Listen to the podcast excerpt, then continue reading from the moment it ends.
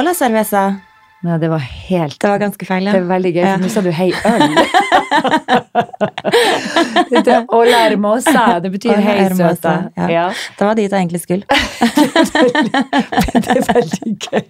At du, at du nå skal begynne på med et nytt hei, og så sier du Går du rett på hei øl? Mm, det var en fin, fin, fin start. Men det heter altså da Ola hermosa, som betyr hei, søta. Bare du sier åla. Litt sånn artig. Åla. Ja, Hola hermosa. Hola hermosa. Hei og hopp. Hei, Du- hopp. Velkommen til ny uke, ny ja, podd. Ny pod og ny uke. Nye muligheter. Mm. I dag har vi en gjest i studio. Det har vi gleda oss lenge til. Veldig. Mm. Og jeg er litt sånn at eh, Jeg er rett og slett starstruck, hvis man kan si det. Det Fordi jeg har, hørt, jeg har lest bøker, og jeg har hørt på poden hennes. Vi kan introdusere henne. Hedvig Montgomery. Veldig hyggelig å ha deg her i dag. Veldig hyggelig å være her. Uh, jeg må bare Hedvig er jo superstar. ja, Du er jo overalt om dagen. På TV, på podkaster, du skriver bøker. Mm. Fordi du er jo en slags barnepsykolog. En slags Guru. ja, ja, guru. Ja. Guru. Ja. Eh, også familieterapi, og det er ikke måte på hva du kan bjude med av kunnskap og informasjones. Ja. Nei, men, men altså, det er jo komisk, det der. fordi eh, det er jo to ting jeg tenker på samtidig når du sier det der. Det ene er dåren skriver navnet sitt overalt. Eh, jeg vil si at idioten eh, stikker jo seg frem overalt, så det hender jo at jeg blir litt lei av meg selv. Men det andre med det, det er at jeg gjør jo ikke noe særlig annerledes. Det er bare når jeg, når jeg da jeg får av og til litt sånn andre tilbakemeldinger fordi jeg er mer der ute enn det jeg pleier. Men jeg jobber omtrent som før. Jeg står opp om morgenen, jeg får ungene på skolen, jeg går på jobben, jeg gjør de terapiene jeg pleier å gjøre. Du har ikke privatsjåfør hit og dit til alle? Nei, nei, altså, jeg, liksom, jeg leser om Isabel Løvengrip som har frisør og sminkøse og sånn. Ja, det Mm. syns jeg jo det, det hadde jo Tatt seg ut. Ja, det, det hadde jo tatt seg ut. Men eh, det er jo ikke sånn det er. Men du er jo litt Norges svar på Jesper Juel, vil jeg si. Dette har jo blitt en sånn Vi eh, for det, Fordi jeg har jo alltid googla hver gang det har vært noe, da har jeg gått inn på Jesper Juel. Og nå har vi fått vår egen Hedvig, som eh, Og det, og det som jeg syns er så veldig Da må du nesten si hvem Jesper Juel er, da, for de som ikke ja, vet det? Også en psykolog. Han er dansk. Han er dansk, Ja. Mm. Og, Og veldig kul. Og veldig kul. Eh, og da er det Men det jeg syns er veldig gøy, er jo det at eh, min mann har jo da gått og hørt på poden din lenge uten at jeg visste om det. Og det syns jeg var så festlig, fordi at eh, Han har hatt et forhold på si han har hatt et forhold på si med Hedvig. Ja, du, har en, besøk. du er med i en podkast som jeg har også hørt på ganske mye, som heter Foreldrekoden. Ja. Som du har sammen med Bjørn Egil Halvorsen, kjempeflink Aftenposten-journalist. Mm. Og det er så deilig, fordi han, han klarer jo nettopp å gjøre de tingene som gjør at både mammaer og pappaer kan høre på.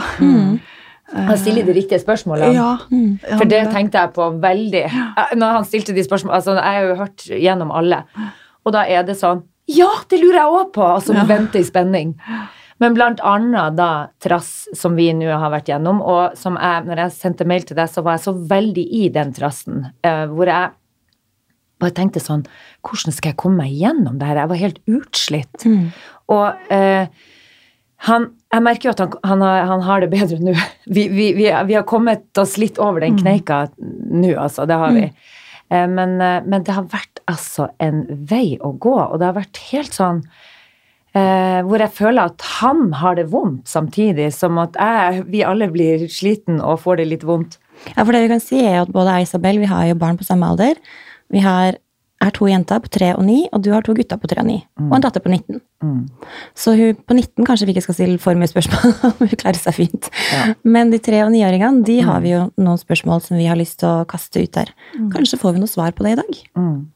Pluss at vi har fått en del spørsmål fra følgerne våre også, som vi tenkte å høre om du kunne hjelpe oss litt med, da, vet du. Jeg lurer i hvert fall bare på hvordan eh, møter man eh, denne lille treårstrassen? Eller fins det forskjellige grader av de trassene? Altså jeg må si at jeg tror alle foreldre blir helt an Hva skjedde nå? Første gang barnet deres bare Nei! Ja. Og går helt i eh, Så jeg tror, jeg tror alle foreldre mister det litt, da, for de kjenner jo ikke igjen barnet sitt. Hvor kom dette fra? Mm. Det ser så annerledes ut enn alt man har sett fra barnet før. For opp til det punktet der, så er det jo sånn at man kan ta på barnet hva som helst, man kan putte hva som helst i munnen, man kan sette barnet i stolen hvor som helst. altså Allting Flyter, går, liksom. på en måte. Mm. Men på dette veldig viktige punktet her, hvor barnet oppdager at vet du hva, jeg kan også mene noen ting, Mm. og det jeg kan mene er stort sett nei, Mm. eh, så er det både en rus for det barnet. Tenk å endelig kunne si nei til dustete, vonde klær. Tenk å endelig kunne si nei til mat som ser ut eller smaker som hjernemasse. altså Tenk å endelig kunne sette opp den der 'nei, dette vil jeg ikke være med på'. Det er jo en helt fantastisk ting for barnet, Mm. men også et ansvar som barnet overhodet ikke klarer å håndtere. For de vet jo ikke hva de skal si ja og nei til, så de Nei. sier jo nei til tannpuss som de burde ha sagt ja Ja. til. De sier nei til mat som, eh, som de trenger. Hvis du ikke spiser nå, så kommer det til å gå helt bananas, vennen. Og så får de reaksjoner fra oss også, som Ja. de sikkert syns er ganske gøy. Ja, jeg vet ikke om de syns det er så gøy. Jeg tror faktisk så er det mer sånn at de Det er jo også en annen ting som skjer i denne alderen her, som skjer parallelt. Og det er det som er så interessant med det vi kaller for trassalderen. Det er flere ting som skjer parallelt. Det ene er denne plutselige evnen til å kunne si nei, det vil jeg ikke, og se at det har en effekt. Det er jo fantastisk i seg selv.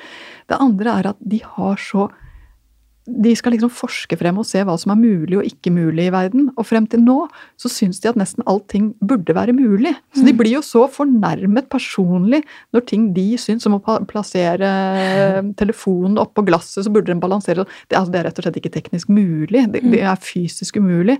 Men for to- og treåringen så blir de skuffa over at det ikke går, og blir forbanna på verden når helt umulige ting ikke funker. Mm. Så det, og det tar de jo utover sine trygge, kjære foreldre, stort sett. Så det skjer jo.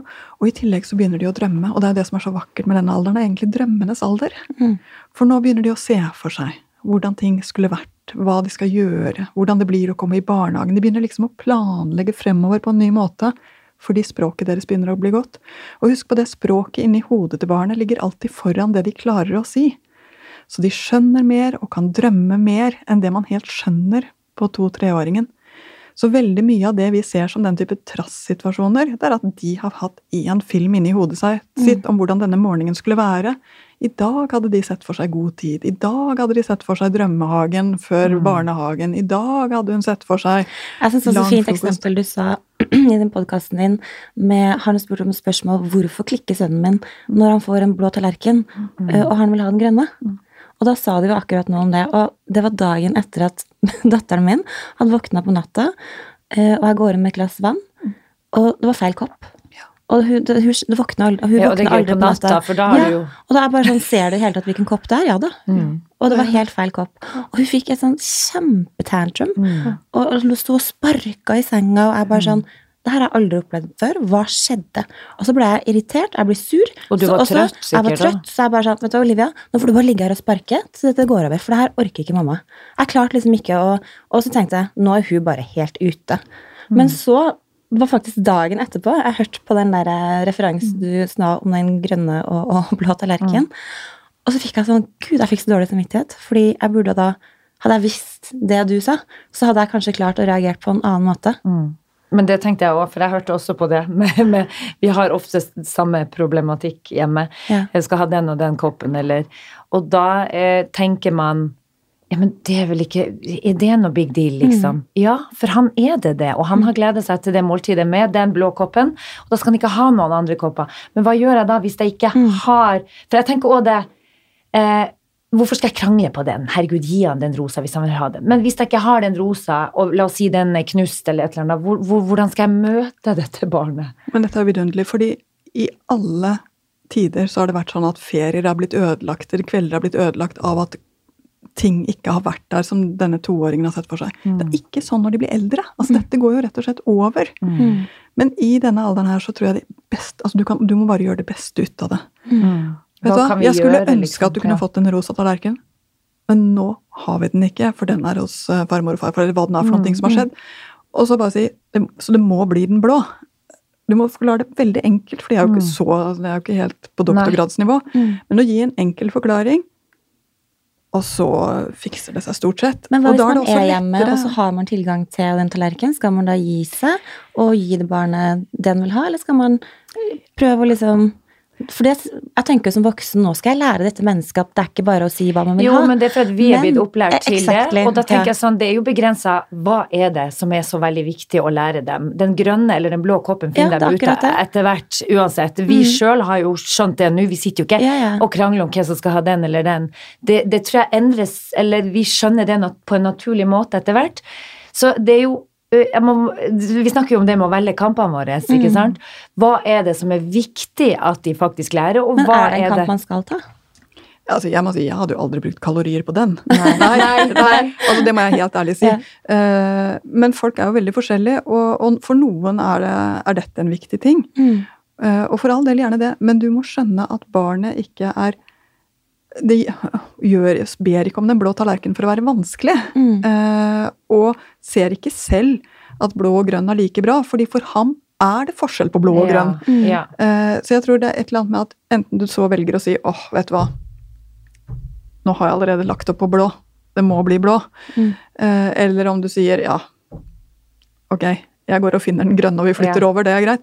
Altså, hvem av dem du velger er egentlig ikke så viktig, Mm. men du, hvis du bare skjønner én ting, for barnet gjør ikke dette for å være pyton mot deg. Mm. Ikke ta det så personlig. De er inne i den fasen, sånn som min sønn nå. han, Storebroren liker grønn, og nå gjør treåringen òg det. Han elsker grønt. Og bare 'jeg tar den grønne'. Ja. Så nå er alt grønt. Og da skjønner jeg jo at det her er jo for, det, det er en big deal å ha akkurat den grønne koppen, fordi det er liksom det er favorittfargen hans. Mm. Så, men da kan vi jo også stille spørsmål, som vi snakka om Marte tidligere i dag, om det her med Skal man gi dem flere muligheter? Valgmuligheter. Hvordan gjør man det? Og i denne alderen her Ja. Å ja. ja. Nei, jeg må bare si at spør du, spør du en to-treåring om hva vil du, Mm. Ja, Vil du ha den grønne eller den blå, for eksempel? men vil du ha den grønne eller den blå?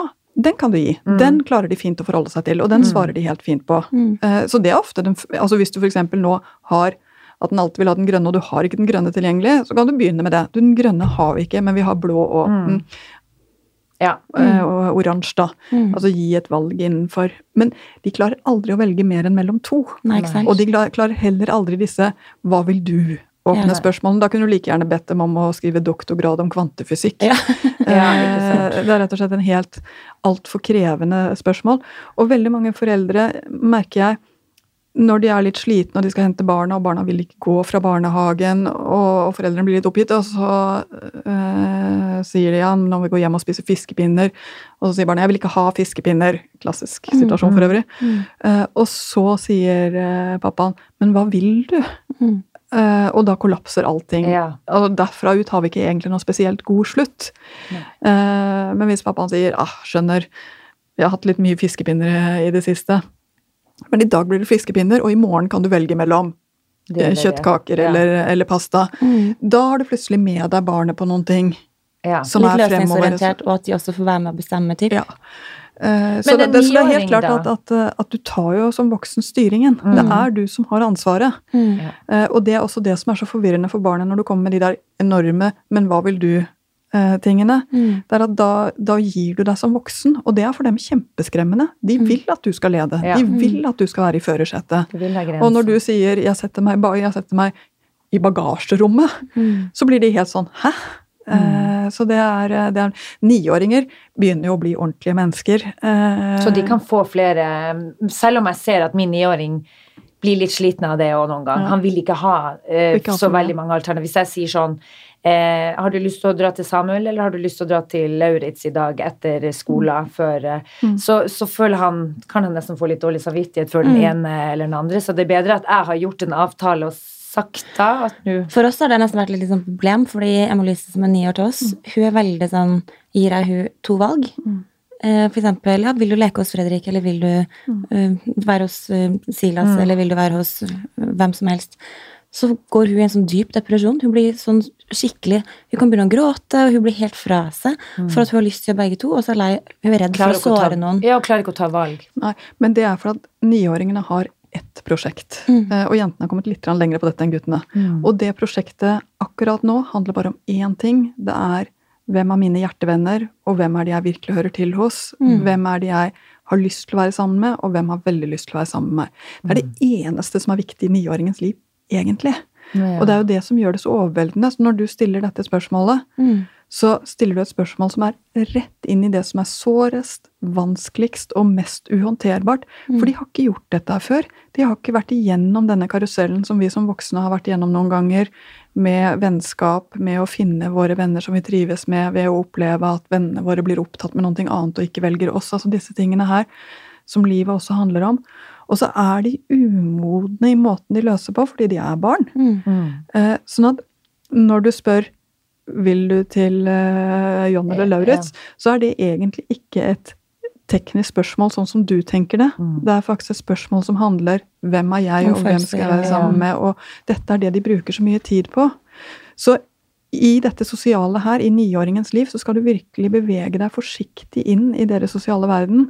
Høre hvem de leker med, høre hvem de har lyst til å leke med. Eh, se om du kan hjelpe til med å liksom gjøre det litt større. Hjelpe dem å håndtere det når de føler seg avvist, eller føler at de får sånne helt umulige valg. Mm. Eh, så når du, når du har denne, dette niåringsspørsmålet her, så er ikke det et spørsmål om hvordan du stiller spørsmål om valg. Mm. Det er rett og slett et spørsmål om deres aller viktigste Mm. ting i livet akkurat nå. Så hvordan dealer man faktisk med det, eller hvordan spør man Men jeg, altså jeg tror nok noe av det viktigste er å være klar over at du spør ikke bestevenninnen din hvem vil du helst ligge med, den eller den. Det er eh, spørsmålet litt for, eh, litt for Mm. nært, ikke sant? Mm. At du vil ha eh, sagt på, du vil, du vil snakke om forelskelse på en annen måte. Mm. På samme måte er det litt her med niåringer, og spesielt jentene i denne alderen her. Mm. De øver seg så mye på å gå inn og ut av relasjoner, på å gå inn og ut av vennskap, Mm. på å gå inn Det er nesten litt flytende materie, og som Mm. jentemamma så har du det nok tøffere i denne fasen også, må jeg si. Eh, Så jeg tror det viktigste du kan gjøre som mamma til en niåring, er å vite at dette er sårt. Mm. Dette er vanskelig.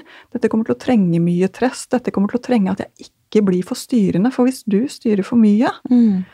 eh, så, så får jo ikke hun utviklet de ferdighetene hun trenger. Mm. Samtidig så kan du ikke si 'det kan ikke jeg gjøre noe med', fordi da får hun ikke noe hjelp og noe veiledning. Mm. Så du er inne på et sånt finstemt område, og hvor hun virkelig, virkelig trenger det. Mm. Mm. Jeg ble nesten, nesten litt sånn Ja, men de er jo i en veldig Altså niåringene er jo Man merker jo det nå. En sånn følsom alder. mm. Det jo Men det kan faktisk bli sånn bare av å f.eks. For eksempel hvis du krasjer med tennis og taekwondo, da. mm. Hva vil du? Hun kan også begynne å gråte av det, for hun har lyst til begge delene. Ja, hun har lyst til begge delene, og da må vi som voksen ta en avgjørelse, tror jeg, uten å, Uten å uten å stille spørsmål til Eller hva tenker du om det? Altså, Jeg tenker jo det viktigste er at det spiller ingen rolle. Det er, Mm. det er helt i orden. Tenk etter hva er det faktisk hun liker best. Mm. Eh, og så velger du det, og så Mm. sier du, og så blir det det andre neste uke. Ja. Eller når det nå blir. At du rett og slett tar ned katastrofetenkningen. Mm. For det, det barna lett går i i denne alderen, er jo også en katastrofetenkning. Ja, det føler jeg veldig at det At det blir liksom- katastrofe. Helvete er løs Mm. eh, hvis de går glipp av en ting. Mm. Men helvete er ikke løs hvis du går glipp av en ting. Aller meste jeg har blitt god i her i livet, Jeg har begynt med etter at jeg ble godt voksen, til og med. Mm. Eh, sånn at det er, det er tid. Eh, men de trenger å få lov til å gjøre greiene sine. De trenger å føle seg bra med de greiene de gjør. Mm. Eh, og, og da må du både liksom ta, ta litt sånn vare på de valgene og de tingene de liker å gjøre, så må du dempe den der katastrofetenkningen. Men når de går i en sånn katastrofegreie, og hvis de bryter ut i gråt, eller f.eks. treåringen Mm. 17. mai Mm. så, eh, For det er helt nylig at eh, Olivia har hatt litt sånn trass sånn på den natta, og 17. mai så kom vi ned på, mm, til sentrum, Mm. og hun har en sånn minimusperiode. Og hun så en minimus heliumballong. Ja. Og vi hadde blitt enige om at hun ikke skal ha, vi skulle ikke kjøpe noen heliumballong i år. Og hun mista det, altså. Og hun sto og hun trampa med den foten, den høyre foten. For det første så lurer jeg på Vi ler hvor- litt av det. Er det Ja. Sinnataggen? Det er sånn de ser på barne-TV. Hvor blir- får det barna det sinnetrampinga fra? For, har de lært det fra noe sted? Liksom? Nei. Det Altså, dette ligger jo i oss alle sammen. ja. Og jeg, jeg syns jo det er ganske vidunderlig hvor uforanderlige vi mennesker faktisk er. Mm. Jeg er helt sikker på at hadde vi sett uh, videoopptak fra 1700-tallet Så Så- hadde vi gjort akkurat det samme? ja, uh, og, og det beroliger meg litt grann også. Ja. Men altså, sånn som denne med heliumballongen. Mm. Jeg skjønner jeg så godt. Jeg var en av de første mammaene som nektet blinkesko. Min Ja. eldste er 25, så da skjønner du hvor tidlig ute jeg var med å nekte blinkesko. Mm. Ja. Uh, og for meg var det bare sånn jeg vet hva, Et eller annet sted så må jeg si at her er miljø viktigere Mm. enn en enn noe annet. Og akkurat der kom den for meg. Jeg vet ikke hvorfor det kunne sikkert ha vært noe annet. Heliumballong. Jeg skjønner deg bare så godt. ikke sant? Det er, Mm. er bare sånn der. I gamle dager så var det lett å si nei fordi man hadde ikke penger til det. Mm. Da kunne man liksom si nei, det har vi ikke råd til. Mm. Mens i dag er det så sjelden vi kan si det med den der nei, det har vi ikke råd til. Du sier nei, jeg velger ikke å kjøpe den av ideologiske årsaker. Det blir jo helt uforståelig for en treåring. Mm. Eh, Det kan Men hende at det er en man hval være- som får den i magen sin. Ja, men da, der igjen må man være konsekvens, og det er jo det som Det syns jeg er så vanskelig når det kommer til For jeg vil jo ikke at ungen min skal stå og gråte på 17. mai. Jeg har jo lyst til at det skal være gledens dag for oss alle, og hvis den minimusballongen da var viktig for min treåring, så hadde jeg jo ikke klart å si nei. Eh, men samtidig igjen, så er det jo det med å være konsekvent. Hvis man har bestemt seg, sånn som du har gjort, så er det jo viktig å, å, å sette den grensa for seg sjøl òg noen gang. For hvis ikke så gir man jo etter hele tida. Jeg føler jo ofte at jeg, at jeg går i den fella. Og i går så hadde vi litt problem, for da var vi i konfirmasjon. Og han eh, niåringen min skulle ha kamp, og han er så glad i å spille fotball. Og det syns jeg er helt fantastisk. Jeg er bare så glad når ungene mine går all in i, i noen ting ikke sant? Som, som har med sport eller musikk eller noe de liker å brenne for. Da blir jeg bare sånn Yes! Engasjement. engasjement. Og tenkte sånn, og han var så lei seg, og de skulle få boller etter den kampen, og de hadde blitt enige, og de skulle Han gleda seg så veldig. Men den konfirmasjonen var viktig, for det var familie. Og jeg tenker sånn her, dette er ikke snakk om, du, vi må på den konfirmasjonen her. Og han var så lei seg. Og jeg kjente hele tida å gud, skal vi så på mannen min og bare Skal vi Er det så viktig? Skal han sitte og høre på de talene? Og så bare mm, Han òg litt sånn. Eh, og så til slutt Jo, men du, hallo, vi må sette oss inn i, i situasjonen til de som vi skal til. Tenkte jeg, de blir skuffa, og Fredrik hadde blitt skuffa hvis de ikke kom. Vi begynte sånn. Hvor skal man sette grensa? Og det er det Altså, det finnes jo ikke noe fasitsvar på dette. I noen familier så er man ikke så tett på den type hendelser, og det er ikke så viktig. Der kan man, og man kan godt si vet du hva, han kommer ikke allikevel. Det hadde fungert. Mens i andre familier så er dette rett og slett et spørsmål hvem er med i familien, og hvem er ikke med i familien. Og på sikt er det nesten å koble av denne gutten fra familien. Så jeg kan ikke si noe annet enn at her må du finne ut hvor, altså, hvordan er det dere fungerer som Mm. familie. Og så hadde jeg sagt, vet du hva, kjempekjipt med sånne konfirmasjoner. Kommer en Mm. sjelden gang, ødelegger akkurat den dagen, men det er noe fint med dem Mm. også. Altså, jeg hadde Mm. både møtt hans følelse med at dette her var ille, mm. men også dempet igjen den katastrofetenkningen som vi snakket om i stad. Mm. Eh, Så det er, det hele veien i barneoppdragelsen handler noe om å skjønne hvor er du, og hvordan kan jeg møte det, Mm. og så vise vei mot det samfunnet og den personen du skal bli som voksen. For det er jo den dobbeltrollen vi står i hele tiden. Møte deg hvor du er nå, og vise vei. Mm. Hvor er det vi skal? Ja. Og jeg syns jo det er viktig at de barna tar Altså, jeg syns det er viktig at de kjeder seg litt. Jeg husker at jeg var med mormora mi på hytta på fjellet. Det var bare meg og hun. Og eh, vi gikk turer, og når vi kom hjem fra skituren, så gikk hun inn og lagde mat, og da satt jeg ute på berget og sang og fant noe grein og noe, lagde noe snømann alene og satt og sang og lekte at jeg var med i noen musikkvideo, og det var sikkert Jeg, jeg, jeg kunne huske på at jeg kjeda meg òg, men det her er mine gode barndomsminner som jeg har, sånn på ordentlig. Og, og jeg har så lyst til at ungene mine også skal lære seg å kjenne litt på den derre Ja, nå sitter vi samla her med familie og masse gamle folk og høre på noen kjedelige taler. Men det, jeg syns det er en del av livet å være med på. Så det, den fotballkampen, den, den, det var den eneste kampen, og til slutt så sa han sånn Mamma, det er kanskje ikke så viktig bare med den ene kampen. Det er jo det er ikke så viktig med den i dag. Nei, sier jeg, og vi, nå skal vi spise kake, og vi skal kose oss, og han sprang rundt og spilte fotball med guttene der, og på plenen. Altså, vi hadde jo en tipp topp dag. Det ble fint. Det ble fint. Mm. Men jeg syns det var så vanskelig, den der skal, skal vi gi etter, og hvor, hvor skal man sette den grensa? Ja, men jeg tror det finnes som du sier, at man må på en måte bare anerkjenne hvilken, hvor viktig er det i den store Mm. sammenhengen Ja. for både de man skal på besøk til, og for familien. Da. Mm. Ja, Så enig. godt tips. Hvem, Og hvem så, er og så må det sies at innimellom så skjer jo kjipe ting Mm. uh, i, i, i livet. Dette er ikke en kjip ting for øvrig. nei, nei. Eh, tvert imot, det er jo en kjempefin ting. Men også det å vise frem familiefester. Vise frem at det er fint. Det er noe man må lære opp til. Det er noe man må vise. Det, verdien av å ha familie ser du jo ikke alltid der og da. Mm. Den kommer jo på sikt. Men nå har vi vært litt sånn inne på trass, eh, og jeg har lyst til å spørre om en Jo, nei, vi er annen ting. ikke helt ferdig med den trassen. Nei, du er ikke ferdig med nei, den, jeg er ikke ferdig Skal du med være den. trassig, du nå? Nei, nå er jeg trassig med den. Vi har trassig litt med den. Ok. Fordi at eh, mm, Jeg hørte på podkasten din, eh, og da eh, sa du noe med at eh, du skal møte dette barnet når barnet blir så sint at du hekter deg på. Ja, altså når barnet kjenner at mamma skjønner dette, Mm. Så er det så, så, altså, Prøv å være sint på noen som for fullt alvor skjønner deg. Prøv det. Og se hvor ekstremt vanskelig det er.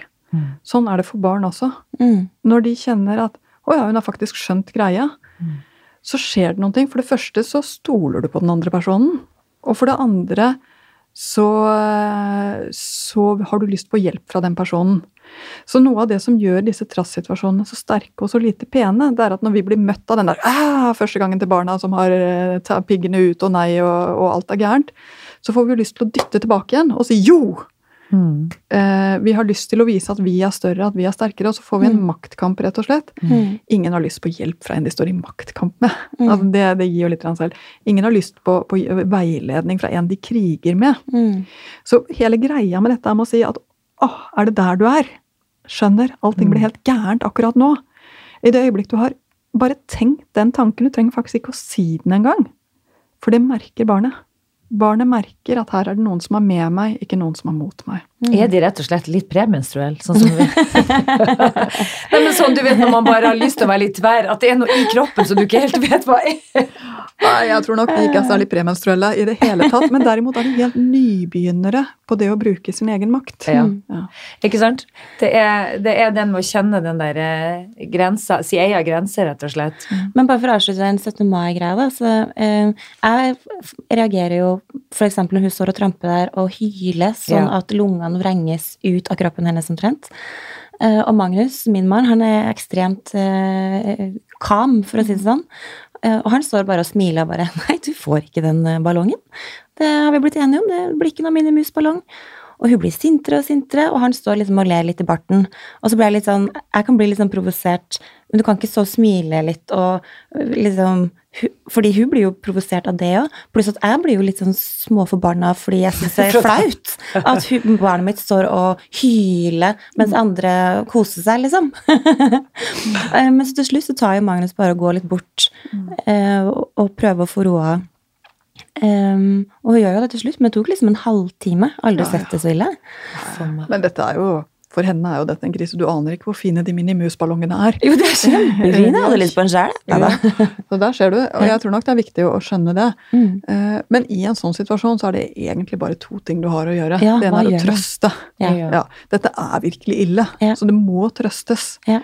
Eh, og det andre, det er helt riktig, gjør noe annet. Ja. Eh, de trenger å få hodet Fokuset sitt over bort. på noe annet. Mm. Så gå videre. Trøst, gå videre. Mm. Men hvordan er det i forhold til sånn, eh, når vi snakker om det her med å gi etter med den rosa koppen og den blå koppen, når er det dem For jeg tenker sånn, det vi tenker, kanskje jeg og deg, Marte, når vi sier nei, nå tar du den koppen her, Mm. det er jo også litt for at de ikke skal for Hvis du gir etter der, så er du redd for at det skal bli litt sånn når det gjelder alt annet også. ikke sant? Noen bare ting- ja. noen, kan, noen ting kan være mer bagatell, at man tenker ja, men gud, herregud, samme det. Mm. Men så er jeg livredd for at det skal gjelde andre ting som faktisk Gir du lillefingeren, så Ja, plutselig så betyr har mer. mer. Jo da, men altså, glem det bildet med gir du lillefingeren, så gir du hele hånden, for det Ja. stemmer ikke. Nei, ikke sant. Nei. Men Men jeg tror det er veldig mange som føler på det. jeg tror også Og det mange som det. føler på det, som er redde Mm. for det. Men det er ikke nødvendig å være redd for i det hele tatt. Nei. Der hvor du kan kompromisse, kompromisse, kompromiss. Mm. Der hvor du ser at vet du hva, her er- har vi ingenting å gå på, sånn må det bli. Nå er det leggetid, eller nå må vi gå, eller nå er det altså, Og da, da kompromisser du ikke. Mm. Så ikke bruk din jeg holdt nesten på å si styringsmakt Mm. når den ikke trengs. Nei. Bruk den når den trengs. Mm. Og det at du ikke bruker den når den ikke trengs, betyr ikke at du har gitt lillefingeren. Det betyr bare at du skiller mellom når det trengs og når det ikke trengs. Mm. Godt poeng. Så har vi et spørsmål til her. Hvorfor skal vi ikke si at barnet vårt er flink? Ikke sant? Dette kan man sitte og lure på. For det tar jeg meg sjøl ofte, og jeg hører at det blir feil hele tida. Men, men nå har jeg begynt å tenke, ta meg i det, for nå Ja. har jeg jo hørt på poden hennes, Ja. og jeg skjønner hvorfor man ikke skal si det. Men jeg føler at flink for meg er et begrep som jeg bruker til Alle form for ros, hvis du Ja. skjønner. Og det, altså, det er ikke det at ordet i seg selv er så krise, men det som ligger bak er litt en krise, og det kan også føre til en krise. Fordi det vi har lyst til å lære barna, hvis vi tenker hvor er det vi vil med dem? Jo, vi vil at de skal få lov til å vokse, vi vil at de skal prøve igjen og igjen, vi vil at de skal strekke seg, vi vil at de skal bli seg så bra som de kan bli. Mm. Det er på mange måter det vi ønsker oss. Vi vil at de skal bli selvstendige, vi vil at de skal ha få den der ja, brannen i seg, som vi snakket om i stad. Det, det er jo det vi vil. Mm. Problemet med ordet flink, det høres ut som noen ting som du er. Mm. Mm. Mens alt det jeg snakket om i, i stad, det er ting du jobber deg frem til. Eh, sånn at ordet flink gir på en måte en idé om at enten kan du, eller så kan du ikke. Og det gjør at barna slutter å prøve, at de vil jo ikke vise at de ikke kan. Mm. De vil jo ikke vise at de ikke er flinke. Så hvis du istedenfor Wow, klarte du den? Så kult! Så fint, kan man Så si. fint! Eller Ja. det var gøy! Eller Mm. ah, jeg ser jo at det der Altså hvis du deler begeistringen, Mm. så syns de det er kjempefint. Mm. Eh, hvis du eh, rett og slett deler øyeblikket med dem, så de, elsker de jo det. De elsker jo oppmerksomheten fra dere. Det syns de er superfint.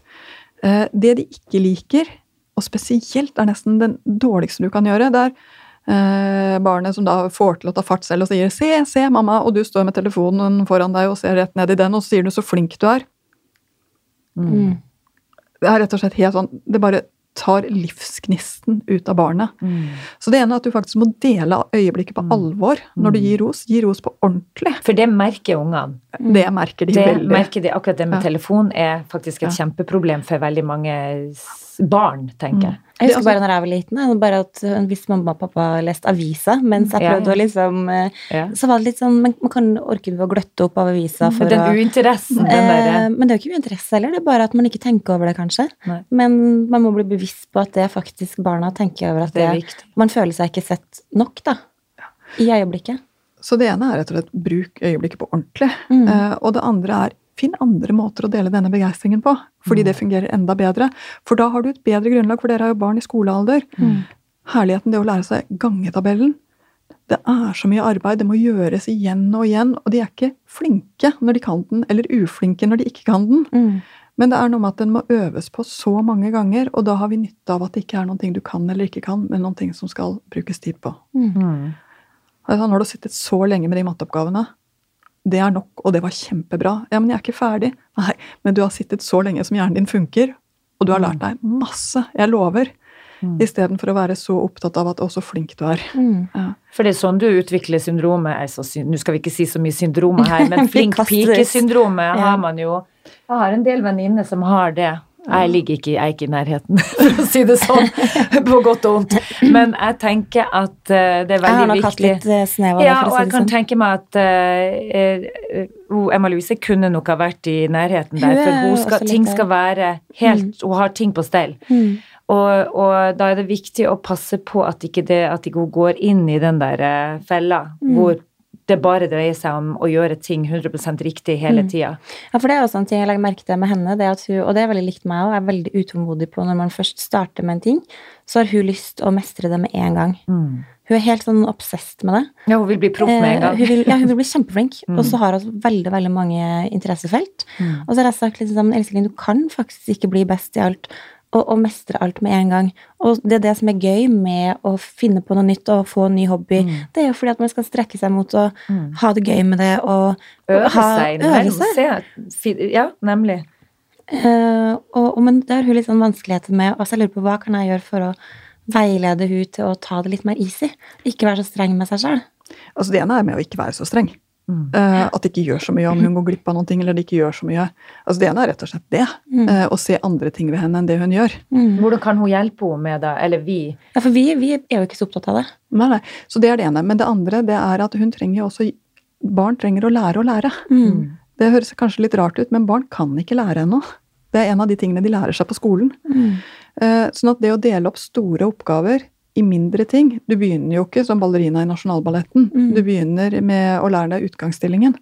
Og da er det bare liksom, Hold, legg aldri nivået høyere enn det det faktisk er mulig å være akkurat der og da. Eh, og gi barna også hjelp og tid til å øve på det som er viktig. Eh, for du får jo ikke et barn som er, blir får til å bruke sitt potensial uten at du hjelper det til med øvingen. Mm. Eh, og det er ganske fascinerende. Vi ser det enten det er idrett, eller det er eh, å spille et instrument, eller det er å danse. Altså, de trenger hjelp til å tilrettelegge. Mm. Rett og slett, vet du hva. Nå har du tid, nå kan du stikke ut og, sparke litt ball, eller vet du hva. Nå er det tid.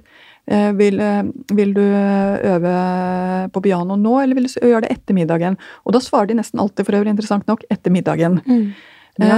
Men, Det gjør de faktisk. men, de trenger, men de trenger den der struktureringshjelpen til å få lov til å bli bedre. Mm. Så jeg tenker av og til at det er, det er ikke så veldig mange smarte grep å gjøre, annet enn å faktisk hjelpe dem til å komme videre. Og det gjør du gjennom den strukturen. Og det andre det er at har du for høye ambisjoner, så kveler du dem. Mm. Eh, men følger du ikke deres ambisjoner, så hjelper du dem ikke. Ja, for det er også et spørsmål her i forhold til uh, Jeg er veldig, veldig easy på sånne ting, fordi man har jo sett og opplevd gjennom et liv at man har hatt f.eks. venninner eller hørt om historier der folk er veldig ambisiøse på barna sine vegne. Og jeg får så vondt av barn som har foreldre som står liksom og har sånne helt sjuke ambisjoner for barna sine altfor tidlig. Eh, hvordan påvirker det barn om um, man presser de for mye til å kanskje gjøre ting Men jeg på foreldrene sine premisser mer enn barna sine.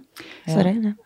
Nei, det svaret kan du ta. Ja, eh, altså, Det er jo to feller å gå i her. Mm. Det ene er at du som forelder bare er opptatt av barnets aktiviteter og barnets prestasjoner. Mm. Da mister du barnet ditt. Mm. Og det er faktisk ganske skummelt. Og barnet blir veldig veldig ensomt. Mm. Fordi det du gjør, er ikke mer verdt enn akkurat dette. Men på den annen side, hvis du ikke er noe opptatt med, med akkurat denne aldersgruppen, hvor det å gjøre og hvem jeg er, henger veldig sammen. Mm. Så du må også skjønne at du skal være til hjelp for barnet ditt. eh, Og ikke bare si ja, men fritidsaktiviteter det overlater jeg helt til deg. Hvis du har lyst til å lære deg å spille, det kan du bare gjøre selv. Mm. Fordi det kan de ikke. De har Mm. ikke lært seg denne her nettopp uh, kunsten å lære. Så du, det er jo to grøfter å gå i her. Både å bli for overambisiøs, som er vondt å se på, Mm. eh, men også å slippe barnet og ikke hjelpe det, som også gjør det ensomt. Men hvordan skal man gjøre det da? Jeg har jo ei venninne som eh, faktisk eh, har en sønn på 13 som ble headhunta, spiller ishockey, fra Canada. Og hvor ungen da Hvor de tar den avgjørelsen at han skal flytte dit og bo der hos treneren. Og rett og slett bli værende der. Det kommer jo an på hvordan de klarer å holde kontakten med ham. Ja, det Fordi, tror jeg de dette er er, de... fordi dette er virkelig hold på båndet-situasjon.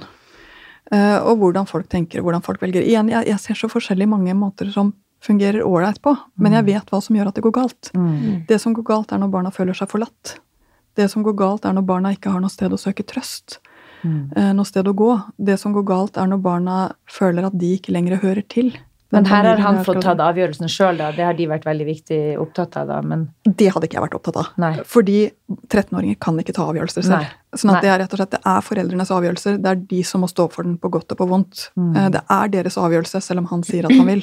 Mm. Eh, Så det ansvaret må de også ta. Mm. Eh, Det er deres beslutning, og det betyr også at hvis den ikke fungerer, så er det de som tok feil beslutning, ikke han. Mm. Eh, Og hvis det fungerer fint, så er det de som kan sole seg og sagt det var en bra beslutning, og han kan strekke seg inn i den. Mm. Eh, Men jeg tror som voksen er det å, å holde forståelsen på at det faktisk er du som tar avgjørelse for barna ditt, det er viktig. Mm. Eh, Du kan ikke si 'nå er du så stor at du kan bestemme selv' til en 12-13-åring. Det er de altfor små til. Mm. Ja, det er ganske interessant, for jeg tenker sånn, den verden der som, hvor, det er, hvor de tenker proff fotball, tenker proff generelt, den er steintøff, ikke sant? For skal du komme deg ut i felten og eh, så høyt oppe der på, så er det da er det det du må gjøre for å, å nå så langt. Men, og den begynner så, i så tidlig alder. Men så, ja. Jeg pleier å si at du, eh, du skal være veldig god som forelder skal du ha et barn med talent. Eh, Og du bør egentlig være veldig glad hvis du har et helt middelmådig barn, for det er mye, mye, mer, mye lettere. Så du får en ekstra oppgave hvis du har et, et barn med spesielle talenter. Men jeg tror en av de tingene som jeg ser igjen og igjen, det er at også når du har barn som er flinke individuelt, så må du holde på gruppeopplevelsen. Det er oss som lag, det er vi som gruppe, det er vi som orkester, det er vi som At det ikke er barnets individuelle prestasjoner. Mm, At det mm. fortsatt er oss som spiller ishockey sammen. Ja. Mm. jeg tror at jeg hadde ikke hatt noe problem med å la barnet mitt komme langt som danser i en gruppe, men jeg hadde ikke vært så glad for at 13-åringen min drev med solodans, Nei. hvis du skjønner forskjellen. Eh, For da er du du å- alene om det. Ja, det å være alene på coveret Mm. må du ha en viss alder og en viss erfaring for å bære. Mm. Så det er nesten min bønn både til, eh, til eh, idrettssektoren og, kultursektoren. Altså behandle Finn grupper av barn, hjelp grupper av barn, hjelp dem til å være sammen. Mm. Og til å lyse, til å glitre sammen. Og Mm. være mer opptatt av det eh, enn enerne. For enerne vil komme seg godt videre. Mm. Altså de vil, og, og du skal selv innenfor ishockey altså Du er jo på ditt høyeste når du er 25, ikke sant? Sånn at det er mange år igjen uh, hvor du skal være deg på ditt beste. Modenheten til å bære det individuelt kommer senere. Uh, og det gjelder både i musikk og i kultur og i idrett. Og jeg tenker eh, den sår, altså 13 år, da er du jo så ekstremt sårbar, og det er så mye som skjer i kroppen på de barna der. Gud, jeg gruer meg så sykt Og, og jeg tenker da å ikke være i nærheten av foreldrene sine 13-åring, for å si det sånn. Jo, men så tenker jeg vi er alle forskjellige, og, og det er jo noe med det. Man, man er alle forskjellige, men jeg tenker jo og, og ikke det at jeg, jeg tenker sånn ofte at uff a meg, tenk hvis det er noe, og de skal snakke med foreldrene sine, og, og så er de ikke til stede. Men det var jo ikke akkurat da jeg snakka så veldig mye med foreldrene mine heller. Jeg hadde jo en del hemmeligheter fordi at jeg syntes det var kanskje flaut å snakke. Altså, var du en åpen 13-åring? Overhodet ikke. Nei? Mot var... venner, ja, men mot mamma og pappa absolutt ikke. Var du trassig?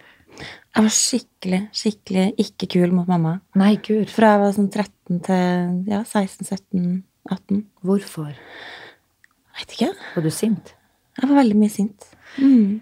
Men kan det være for at du har eh, en funksjonshemma søster som fikk eh, mer oppmerksomhet, eller noe sånt? Det ligger kanskje noe sånn forskjellige ting i, i, bakgrunnen. Ja. Men uansett, så vi har jo fått et fantastisk forhold en dag i dag. Men jeg må jo si at jeg gruer meg til at hvis Emma-Louise skulle bli en slags utgave av meg, Okay.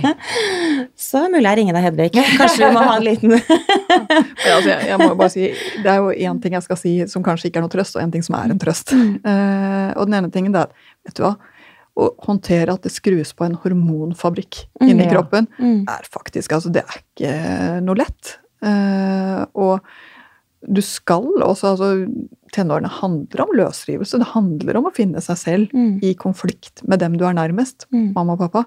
Så jeg tror ikke vi skal strebe etter å gjøre tenårene til en har ren harmoniperiode, for da Det er jo et eller annet med at på samme måte som treåringen ikke trasser for å erte deg, så er ikke 13-åringen vanskelig for å, for å terge deg. Det bare er Man er ikke omskapsfull, liksom. Nei, det er noen ting med, med at dette er en prosess som må til for å bli et godt menneske. Mm. Men eh, ungdom i dag har et nærmere forhold til foreldrene sine Mm. enn det eh, vi hadde tidligere. Foreldre i dag er flinkere til å skjønne litt mer. Mm. Eh, Ja, det er jeg veldig glad for. Og, og jeg Mm. ser så mange fine tenåringsforeldre. Eh, så du har alle muligheter til å være en ålreit mamma.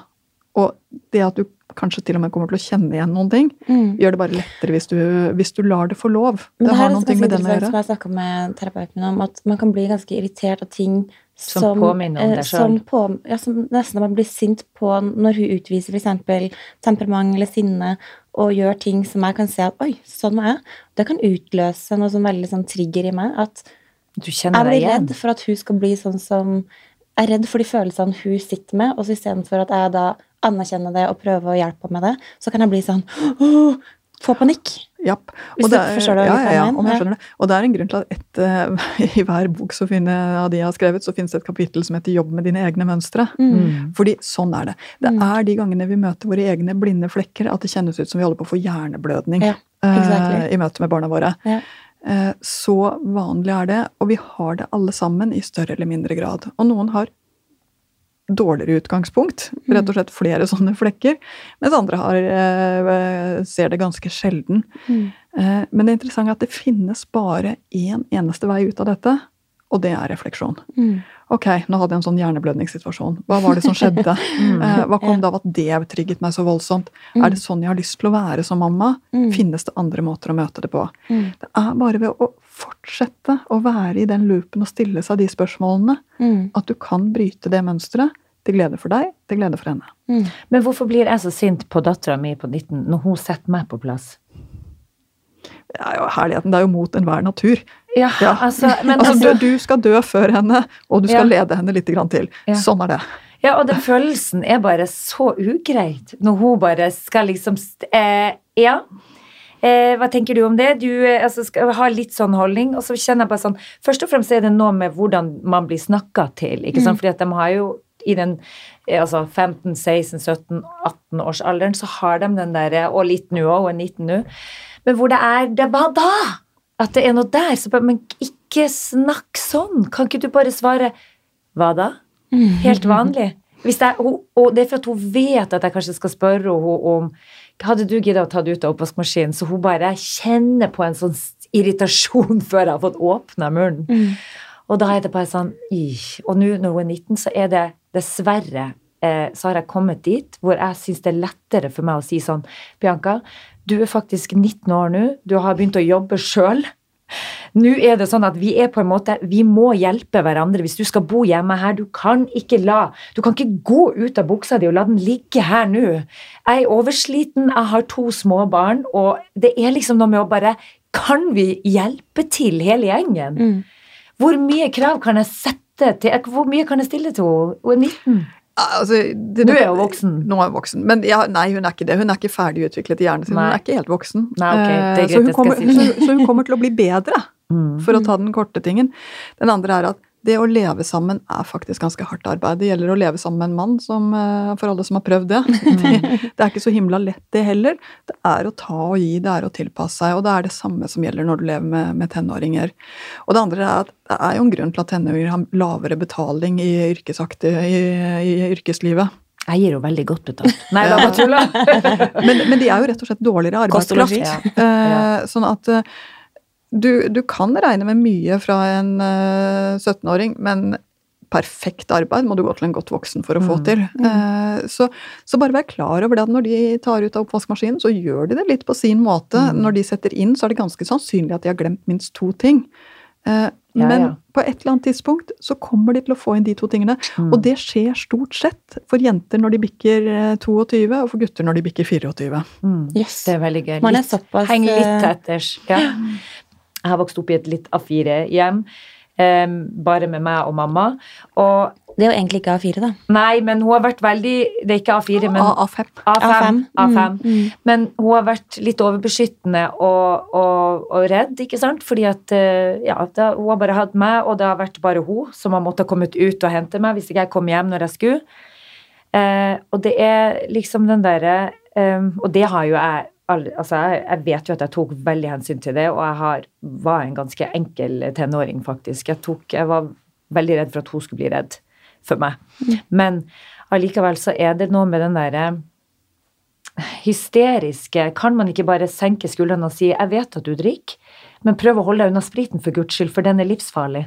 Altså, kan vi Kan man være så raus at man sier det, eller skal man bare være kjempestreng og si 'du må bare ikke' før du er 18? Det, altså, alt dette er jo blitt veldig komplisert. Uh, men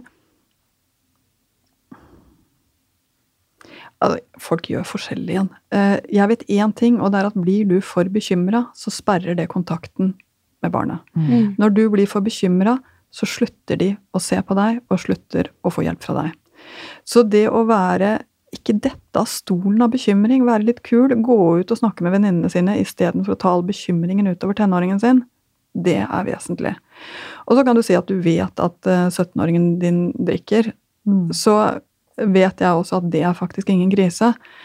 Men det går an å si ja, jeg vet at du drikker. Det er ikke lov, og det kan faktisk gi deg ordentlige problemer. Så jeg kan ikke akkurat si at jeg syns det er greit. Men er det én ting som er viktig for meg, så er det at hvis det er noen ting som skjer deg, som du syns er vanskelig, eller som bekymrer deg når du er ute, Mm. med deg eller med noen av vennene dine, eller noen du bare treffer, et eller annet, så vit at jeg er der, og jeg kommer ikke til å fordømme deg i den situasjonen for at du Mm. kontakter meg. Det kommer jeg til å ta kult. Oh. Den beskjeden er det kjempeviktig å gi Mm. til 16, 15, 16, 17-åringen sin. Mm. Fordi det jeg ser, det er at det er mange unge i den alderen som rett og slett er for redde Mm. for sine foreldres bekymring. De er for redde for sine foreldres reaksjoner. Mm. Og de vil egentlig ha hjelp av sine nærmeste når ting er skikkelig vanskelig, men de tør ikke å gå dit. Så sånn sett så er det å legge bekymringen sin ned på et nivå Mm. hvor det går an å fortsatt være til hjelp. Det er egentlig det som er hovedutfordringen for tenåringsforeldrene. Mm. Altså, jeg opplevde jo noe litt rart i går, da, fordi at eh, min mamma har jo alltid vært veldig sånn tøff, ikke sant? Veldig, jeg følte at hun har vært sånn uredd når det gjelder alt. Men det er jo fordi at hun har beskytta meg. Jeg og mamma i går vi handla på legevakta fordi at hun hadde fått en betennelse i en arm. Og da syns Altså, det var så ubehagelig, fordi at da så jeg ei sårbar side ved henne som eh, jeg på en måte ikke har sett før på nært hold. Den det er første gangen hun er på legevakta.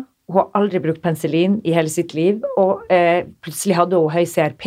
Hun var i en situasjon hvor hun ble redd. Og, eh, og bare måten hun reagerte på, og vet du hva, altså så, sånn Hun prøvde liksom å ta seg sammen, ikke sant, for meg.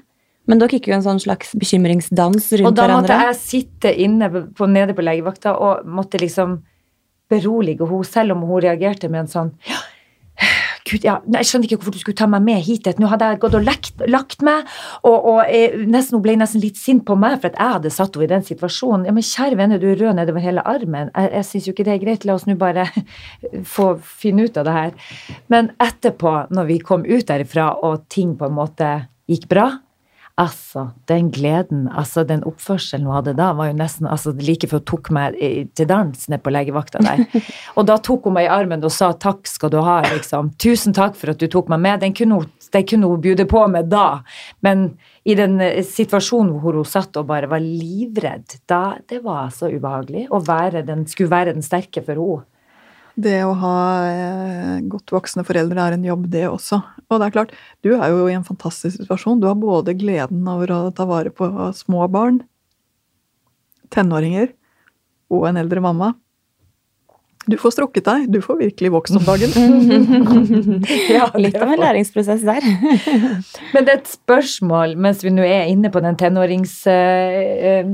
tenåringssamtalen her. Hvor, hva kan man Fordi jeg så deg i et show med Jon Almås eh, for en stund siden, hvor eh, jeg lurer på om han spurte da eh, kan man stille krav til tenåringene. Altså Da tenker jeg sånn sette dem i arbeid på hjemmefronten, f.eks.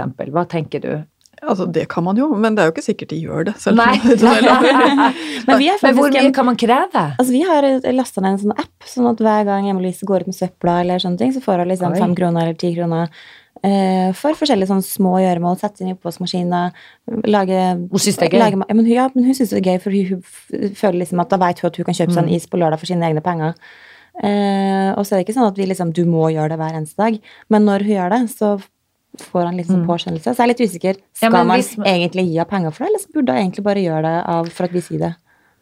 Altså, her er forskning egentlig ganske enkel. Mm. Uh, og det er at det å gi penger f.eks. For, for ting som vi skal gjøre fra innsiden av oss, Mm. gjør at vi kommer til å gjøre mindre av det på sikt. Ja. Sånn at du får Good to know. Ja. Da stryker vi den appen.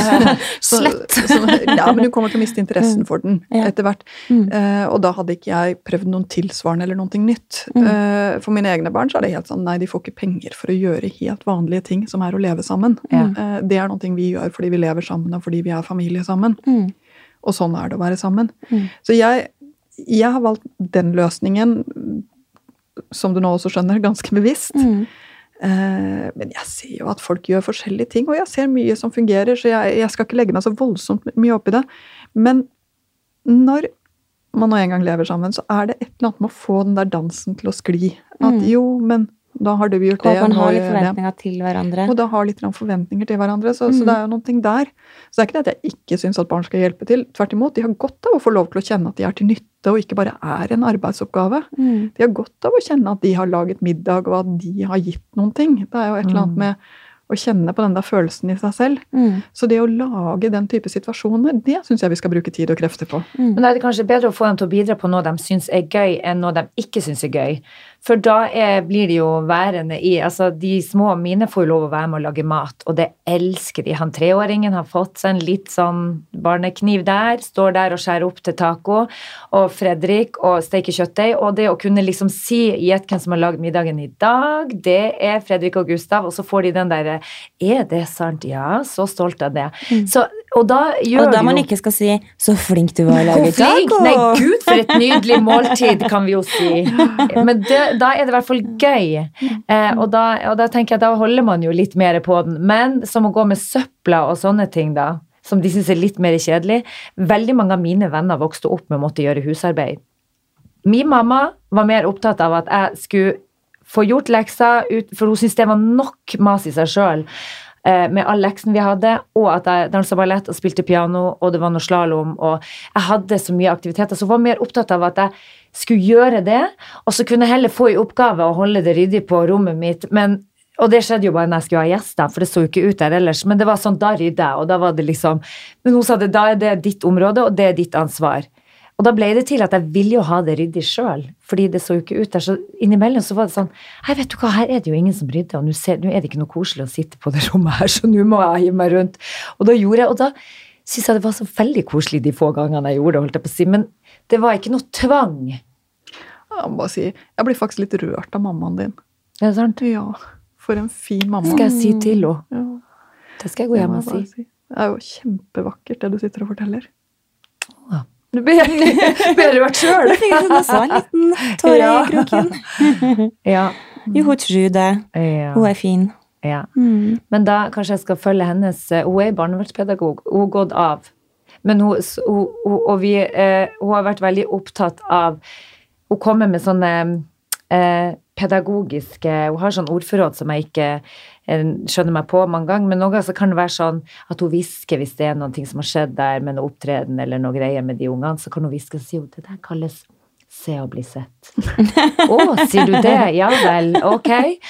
Og så, og så kommer det også med sånn man skal styrke de sterke sidene, og det er liksom uansett eh, Jeg var ikke god i matte. Og mamma var helt sånn, hva har du lyst til å gjøre? Du er god til å synge, du er kreativ, du har de og de talentene som du liker.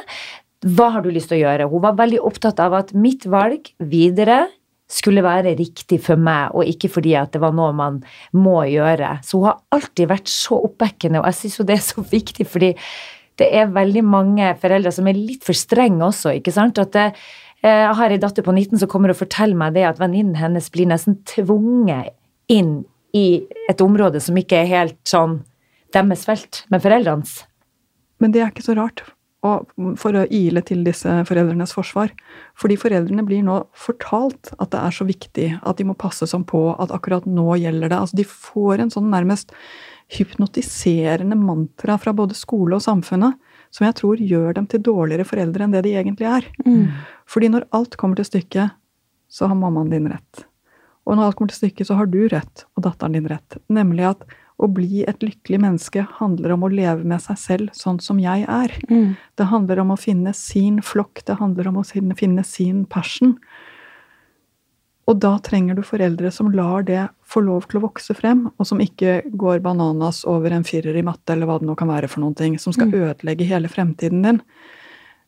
Men vi har fått et samfunn som er veldig lite tilgivende, som gir veldig lite plass for denne individuelle biten som vi snakker om nå. Og ja, det bekymrer meg, både fordi det er stressende for barna, og fordi det gjør foreldrene dårligere enn de hadde trengt å være. Så her Jeg har ikke noen kjempeenkel løsning på dette, for det er noen ting faktisk vi som samfunn er nødt til å, å tenke litt grann over. At det går an å bli et godt menneske uten at du hadde fikk sex i matte. Mm. Ja. Mm.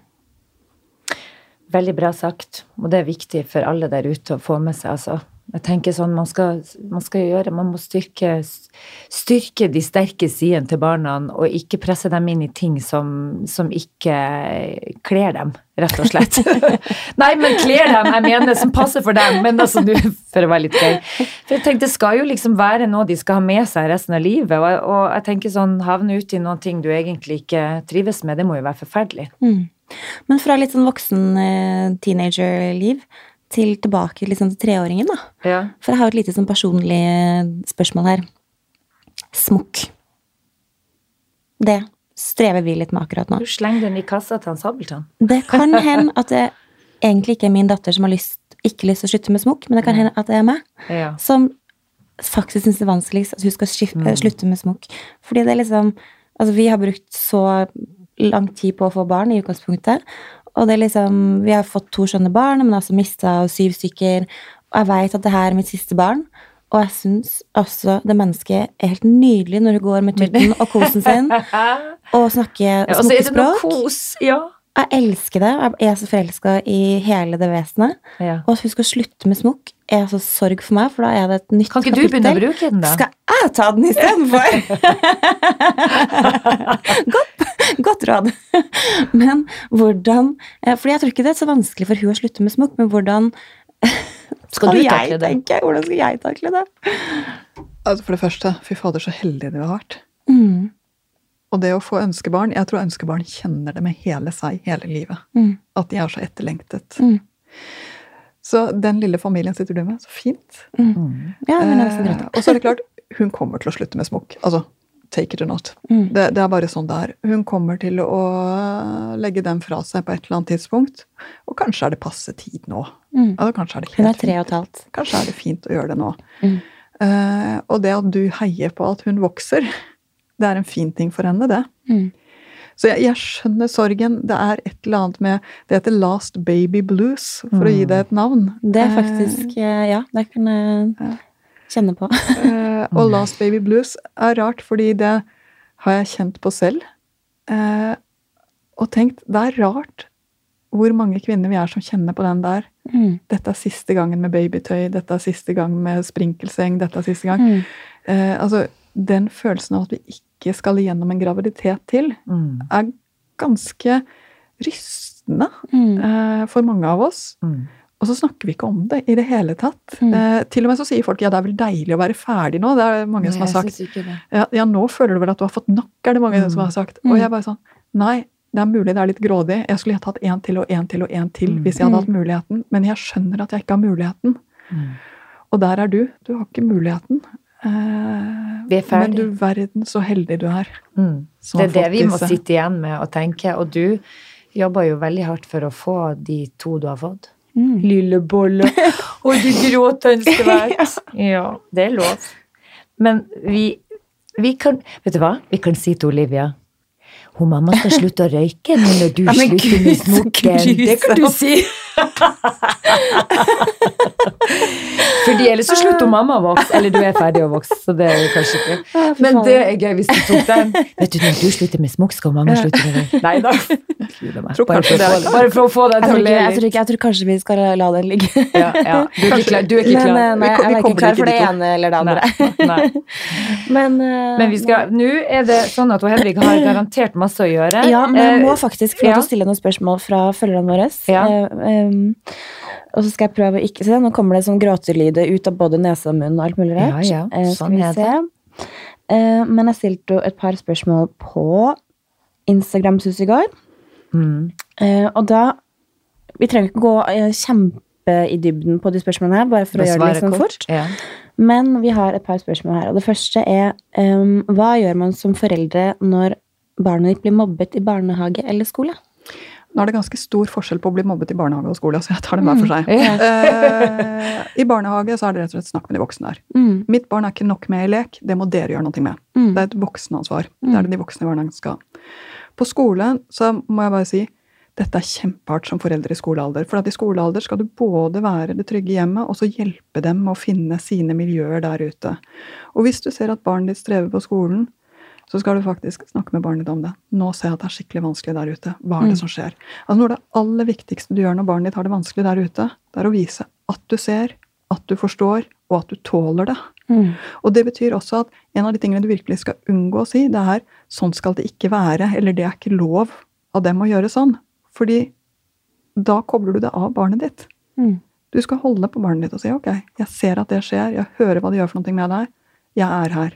Som mamma, hver kveld, hver morgen, som pappa skal jeg følge deg på vanlig måte. Jeg er her. Og så må du begynne å snakke med læreren.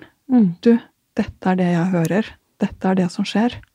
Hva ser dere? mm, Og så skal du vite at dette er vanskelige sosiale prosesser, akkurat som vi snakket om med din niåring.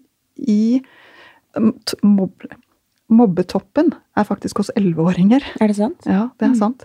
Eh, da er det liksom piker da, og så går det litt grann nedover. Mm. Og grunnen til at dette her skjer i alle kulturer, i alle land, og vi må jobbe med det hele tiden, Vi må hjelpe barn til å være ålreite med hverandre, for de skader hverandre uten helt å skjønne det. Mm. Mm. Så det betyr at skolen må få skjønne hva som skjer, de må få vite hva som skjer, og du skal holde deg i foreldrerollen. Mm. Mm. Godt svar. Ja. Eh, Et nytt spørsmål er um, hva gjør vi som foreldre når um, barnet må skifte eller bytte barnehage, og barnet virkelig ikke vil? Ja, Igjen. Fordi man har en relasjon til de Ja, ja. Eh, Det å Altså innimellom så er det sånn det er.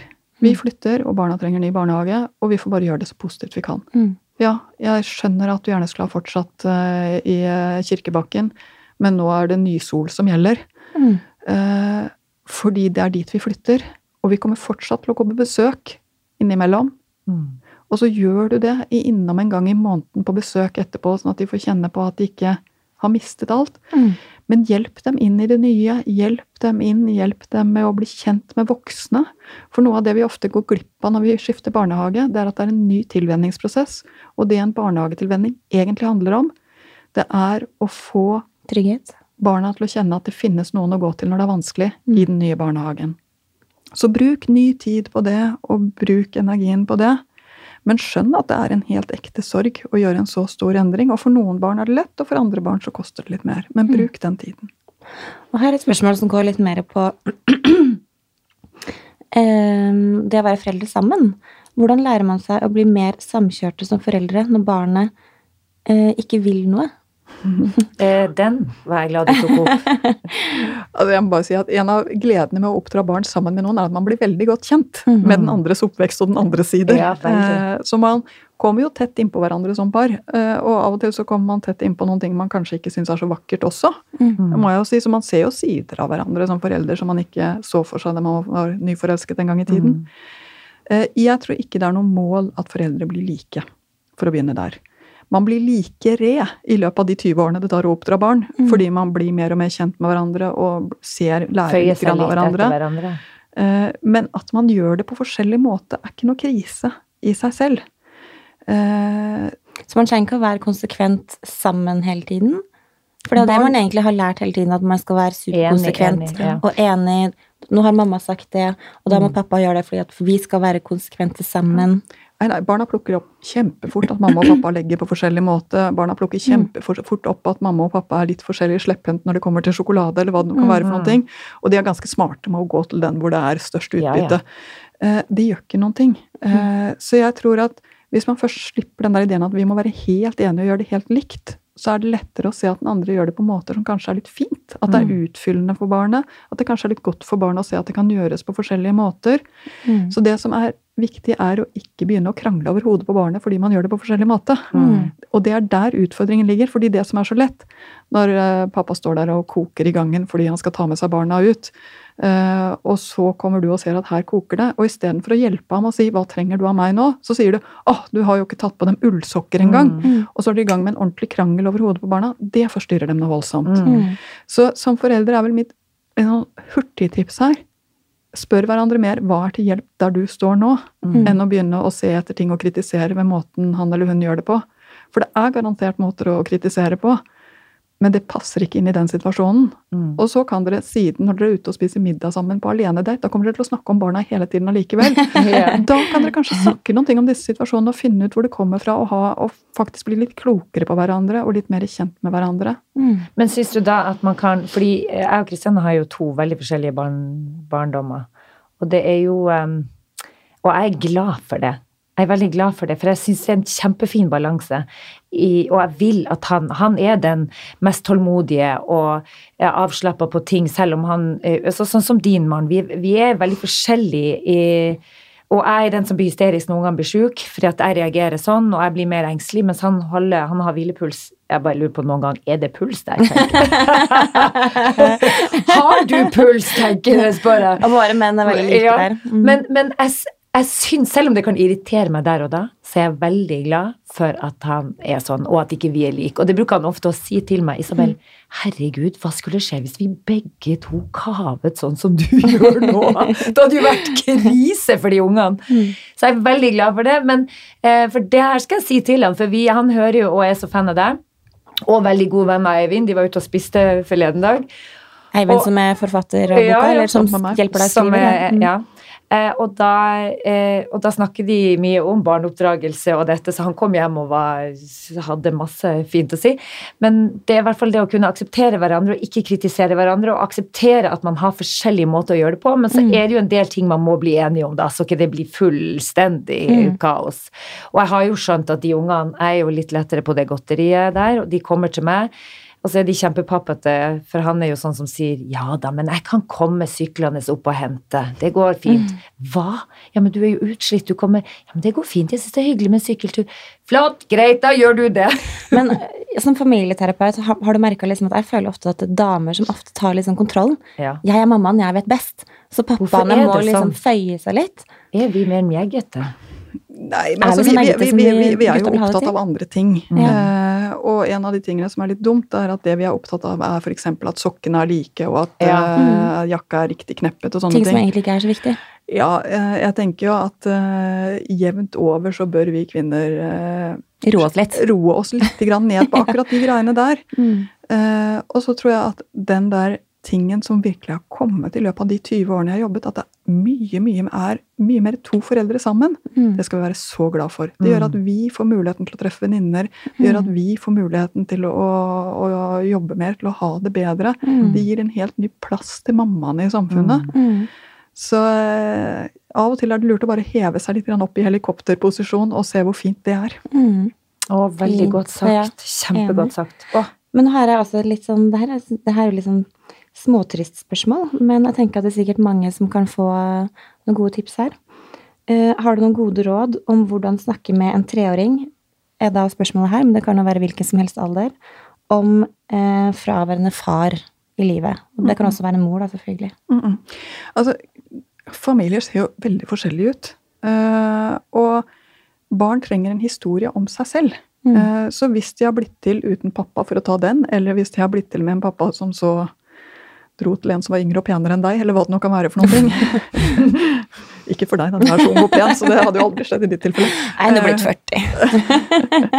Eh, Men hva den enn kan være for noe. Altså, pass på at de får lov til å ha en historie om seg. Mm. At det finnes bilder av dem fra når pappa var med, at det, hvis det finnes, da. Eller hvis det ikke finnes noen bilder med pappa, at det finnes fordi at uh, du ble laget på en klinikk sånn og sånn, eller fordi at jeg ønsket meg så gjerne barn at det var sånn og sånn det ble. Så nesten det å skrive historien om meg, også når den er litt sår for deg som mamma, Mm. og si at sånn er det, og det er en historie du må passe på at et barn kan leve godt med.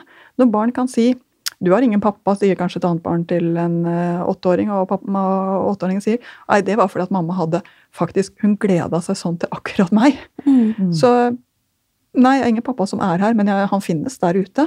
Da har de liksom tatt litt tilbake igjen kontrollen, hvis du skjønner. Ikke sant? Eh, Men det betyr også at hvis dette er sårt for deg, som du sa, det er jo kanskje et litt sårt spørsmål Hvis du føler deg dumpa, sviktet Det her var eh, lytter, da, som eh. Ja, eh, hvis, hvis denne lytteren hører til dem, så må jeg si finn noen som skjønner hvordan det er å være dumpet, sviktet og føle seg spytta ut. Mm. Eh, og få tak på styrken i deg. Mm. Fordi den styrken kommer du til å trenge de nesten 17 årene det barnet Mm. flytter hjemmefra. Så strekk ut hånden selv, sånn at du ikke sitter helt alene med din historie også. Og jobb med å lage en historie for barnet En som funker ålreit. Mm. Men da um, kom jeg plutselig på et spørsmål i forhold til um, skilsmissebarn. Fordi vi har Jeg skal ikke si noe navn her. Men um, jeg kjenner noen da som uh, ble nylig skilt. Der uh, datteren fikk en del spørsmål om det i klassen, for det er liksom um, Ja, Ingen andre skilte foreldre. Mm. Eh, og da, da får det barnet masse spørsmål. Foreldrene dine er skilt. La, la, la. Ja, og så er det en ny situasjon for dette barnet. Og så er det veldig sårt og vondt for Mm. henne, vil jeg tro. Mm. Eh, og, og hva kan man si til nyskilte foreldre om barna sin nye situasjon i skolehverdagen for å deale med det, da? Mm. Altså jeg må si at En skilsmisse er en kjempestor ting for et barn. Mm, Eh, og hvis vi nå snakker om ni-tiåringer, så er jo det altså igjen De driver jo med sitt. mm, Eh, og de tenker mye på det. De andre barna tenker på at det kanskje kan skje hjemme hos dem. Altså det, det, så det, det lager jo følelser, Mm. både hos ditt barn og hos de andre barna rundt. Men det barn trenger i denne alderen ved skilsmisser, er det at dere veldig tydelig vise hvordan det blir praktisk. Men sånn kommer det til å fungere. Da er du der, der har du de greiene, Mm. da, da er du der. Når det er Igjen gym på fredager. og Altså at du klarer å lage den der grunnveven av Mm. trygghet i barnas hverdag, og da må du ned og se på hva er det for noe en niåring trenger mm. av praktiske greier. Det er mye praktisk. Det andre er at du trenger å gi eh, niåringen en opplevelse av at vi er fortsatt vi snakker fortsatt med hverandre. Og det er forferdelig vanskelig, fordi at man skiller seg jo ikke fordi ting går bra. Mm. Eh, man skiller seg jo fordi det er helt overveldende vanskelig i de Mm. aller fleste tilfeller. Det ser så lett ut i Dagbladet liksom, å skille seg, Mm. men i virkeligheten så er dette noen ting som er sårede følelser, som er vondt, og som Mm. gjør at du gjerne. Du skulle så gjerne kunne sagt at jeg skal, vil aldri snakke med henne igjen, hun er helt psykopat. Har du en niåring, så kan du faktisk ikke si det. Har du en niåring, så må du si ok, nå håper jeg at denne endringen gjør det lettere for oss å være foreldre sammen enn det det har Mm. vært frem til nå. Og så må du manøvrere etter det. Og jeg vet hvor vanskelig dette her er, altså som terapeut. Mm. Eh, Det å være skilt- voksen i en sånn situasjon er vanskelig. supervanskelig. Mm. Men igjen, altså, her er det virkelig søk hjelp. Snakk med noen som har vært igjennom Mm. dette landskapet før. Mm. Og så må du gi barnet ditt når det sier å, de andre spør om eh, hvordan det blir, så må du si vet du hva, det er så bra at du spør meg om det, fordi det skal vi finne ut av. Og da hjelper du til med det. Mm. Veldig bra. Veldig bra. Og et til siste spørsmål, da. Og jeg har et siste etter deg Har du det, ja? Ja. Eh, nei, jeg bare tenker sånn, min niåring, da. Eh, altså, han er veldig følsom type. Og hvis han da får et nei, eller hvis det har skjedd noen ting, eh, eh, så kan han bli så veldig sint og lei seg. Og det her tenker jeg sånn både 12- og 13- og 14-åringer, når de blir så sint, hvordan skal man møte dette, denne personen? Fordi jeg syns jo det er viktig å ikke bli sint tilbake. Eh, jeg tenker at det de trenger, er jo bare masse omsorg og kjærlighet, for det er jo noen ting som plager dem. Men hvordan skal man finne ut av dette? Det du skal vite om denne alderen, er for det første at de er ganske lettkrenkede. Mm. fordi de er så dårlige på å håndtere følelsene sine. Og det å lære seg å ta et nei, det å lære seg å ta et nederlag, det å lære seg å ta kritikk, det tar noen og 20 år, det, i beste fall. Eh, og de aller fleste av oss blir aldri spesielt gode på det heller. Mm. Så din sønn er nybegynner, og det gjør skikkelig skikkelig vondt. De tåler dårlig kritikk, spesielt fra foreldre. Så jeg tenker jo at spesielt foreldre skal være varsomme med barn i denne alderen og komme med unødvendig sånn mikrokritikk. Hold det tilbake, det har ikke noe funksjon. Eh, når han går bananas fordi noen ting har gått galt, at han har tapt den fotballkampen, eller at eh, han ikke får lov til å overnatte hos en kompis på en torsdag, eller hva det nå kan være for noen ting, så er det viktigste ting du husker på, det at vet du hva, det der å ta den type nederlag, det er tøffe greier, og jeg tåler at han syns det er vanskelig. Mm. Bra sagt.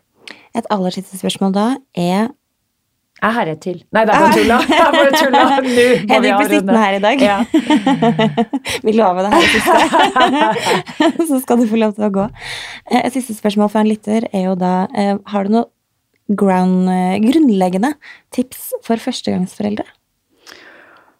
For førstegangsforeldre så er det en virkelig grunnleggende ting å, å skjønne. Det er at nå kommer du hjem med en baby, og dere skal bygge leir hjemme hos dere, dere tre. Det å la dette få lov til å være det viktigste, ta den tiden det tar, eh, og være så nært som det det er, det er det første. Det andre det er at trøst er det viktigste. Så du kommer til å gi masse, masse trøst. Du kommer til å bære, du kommer til å bysse, du kommer til å holde, du kommer til å, å gå rundt. Og også trenge litt trøst, mest sannsynligvis. Nettopp. Mm. Så pass på at du har en egen trøstebase der ute, at det finnes noen der som kan hjelpe dere når dere trenger det også. Eh, og alle har ikke det. Alle har ikke fantastiske mammaer, alle har ikke fantastiske svigerforeldre, alle har ikke fantastiske venner. Eh, men vit virkelig dette. You're not alone. Det at det er strevsomt og fint, eh, er noen ting som alle erfarer. Eh, så, så søk den erfaringen som ligger i at andre har gjort dette før, eh, og søk de rådene du trenger underveis. Altså Brystbetennelse er så vanlig. Mm. Blir ammingen vanskelig? Ammehjelpen er der. Eh, skal du være en god forelder, så må du faktisk selv bli god på å strekke ut hånden. Fordi barn er helt avhengig av din evne til å ta imot hjelp. Det er som å fly. Du må alltid ta den der eh, luftmaska sjæl om det skulle skje noe. Å, Gud, Før du hjelper barnet. Jeg som er flyredd. må Ikke, ikke ta den. Det er sjelden. Nå er det heldigvis veldig sjelden man eh, ser den eh, maska ramle Ja, ja, fra ja. flyet. Men det som er trygt når du sier det, Hedvig, er jo det at uh, you're not alone. Og det em, som jeg sa til deg i sted, jeg sa det at jeg følte at det var så hektisk i dag morges, og mange ganger så tenker jeg herregud, er det bare vår familie som er så kaotisk? Og så sa Hedvig til meg at det kan du trøste deg med at det er du ikke. Og, det er litt gøy, for hver gang jeg og Kristian kjører ut av den der gården vår, så går vi forbi et vindu. Der ser vi liksom en familie med noe tent lys, og de sitter så pent rundt det frokostbordet, og jeg tenker å, sitter de så pent og snakker så stille og rolig, og ungene sitter så veldig i ro. Og jeg tenkte sånn, herre min, sånn har ikke vi det. Og så var vi ute og spiste i forgårs, og satt der med treåringen vår, og så var det en familie ved siden av, og så sier Kristian sånn Åh, se på de, ja. De sitter så Alt er så stilt og rolig. De hadde to små tvillinger på to og en nyfødt unge. Satt og spiste med den ene ungen i hånda, og de andre satt på hver sitt. Og så bryter det ut noen ting. Der den ene ungen fikk fingeren imellom bordet og hylte, og så skal han ta opp den ungen fra bordet og klare å velte et glass med vann og isbiter i fanget på mora som hadde en ammende unge. Vet du hva? Vet du, da måtte, vet du, da måtte jeg snu meg rundt og se på mannen min og si sånn Gud bedre, det var nesten litt godt å se at det faktisk er andre enn oss som også får det der lille kaoset innimellom. Og ofte når det skjer én ting, så skjer nummer to og tre. Ja, det var det som skjedde. Ja. Og, hun, og ikke nok med det, hun fikk hele glasset med isbiter i vann i, i skrevet. Nei, gud, det var Ja. Så vi er, det er ingen av oss som er alene der ute. Vi er det er vi er, det Og så er det viktig viktig å si at ingen av oss er perfekte, men Ingen vi alle kan lære Ja. og erfare. Mm. Og jeg syns det er veldig fint. Det er litt sånn akkurat sånn som jeg husker når Emma-Lise var nyfødt, og rundt som fire måneder så sleit hun litt med å sove. Mm. Og da tok vi kontakt med hun sovekarin. Eh, Og da fikk vi en liten sånn Hun berømte Berømte sovekarin. Dyreste minuttene jeg har hatt på en telefon eh, noensinne, men gud så verdt det var. ja. Fordi da fikk jeg en slags trygghet i hvordan hun på en måte Hva er, hva er problemet? Hvordan, Mm. hvordan mønster har dere? Så Og tørre å spørre og ta eh, Ja, ja, ja, men- Søke men- hjelp hvis man Men greia trenger. er det å bare få litt trygghet, for jeg merka jo det sånn som jeg har bare etter jeg har hørt på podkasten til Hedvig, Mm. så har jeg da skjønt at oi, jeg gjør en del feil, ting som virker mot sin hensikt. Mm. Men vi trenger jo også Og råd Ja, og til det er det, hvordan når du har den tryggheten og har fått liksom sånn ja, men Nå gjør jeg det på en riktig måte. Mm. Bare den tryggheten på å vite at man er på riktig spor. Da tror jeg liksom at man eh, Så til alle småbarnsforeldre der ute, så burde, burde dere virkelig laste ned podkasten til Hedvig, som Ja. heter Foreldrekoden. Ha den på øret til og fra jobb, altså, eller når du støvsuger, eller hva dere nå enn gjør. Og bøkene til Hedvig også er virkelig å anbefale. Den siste som er ute nå, er vel eh, Barnehageårene, og der står det jo en del om trass. Absolutt. Eh, der har vi slalåmkjøringen som du skal igjennom i disse Ja. årene hvor dere begge tar der. For det er slalåmkjøring. mm. Men hallo, det finnes mål der nede. Jeg Mm. lover. Ja, Ja, og det, vi kommer i mål. den syns jeg vi Da må jeg få lov å si tusen takk for at du kom. For en gave. Jeg veit, men du har glemt en siste ting. Å. Og det er rett og slett at Hedvig tips? skal få lov til å komme med ukens tips. Ja. Som vi pleier å ha. Vi avslutter alltid med ukens tips. Og vi snakka jo litt om det i sted. eh, Den bok som jeg ikke har lest. Så kanskje du kan gjenta Å ja. Ja. Hvis du har barn ja. i denne trassaldertiden som vi snakker om nå, to, tre, fireåringer, Mm. så er det Ludde-bøkene som Ja. er tingen å lese. Og grunnen til at Ludde er fantastisk, det er at det er humor for riktig små mennesker. Så Ludde-bøkene, det gir foreldre og tre-fireåringen anledning til å le sammen. Og ingenting gir raskere kontakt og raskere følelsen av å høre sammen enn en delt latter. Åh, fint. Nå skal, jeg, nå skal jeg ikke gråte igjen. Du, du har en sånn evne til å Sette i gang eh, følelser. eh, Ja. Men det er fordi at vi har det. så mye mannskitt i Jeg- jeg bare- kroppen. bare- Nei, det var tull! Kanskje vi skal oppsøke Hedvig sånn utenom. Vi må oppsøke henne utenom podden. Du har da noe sånn ledig egenterapi Men mitt ukens tips er da eh, boka med Hedvig Montgomery, som er da denne siste barnehageårene. Eh, den er virkelig å anbefale. Så det får være tipset fra oss i dag, Marte. Yes. Tusen hjertelig takk for at du kom, Hedvig. Tusen takk, takk Hedvig. Gud, jeg føler jeg har fått livet i gave. Ta-ta!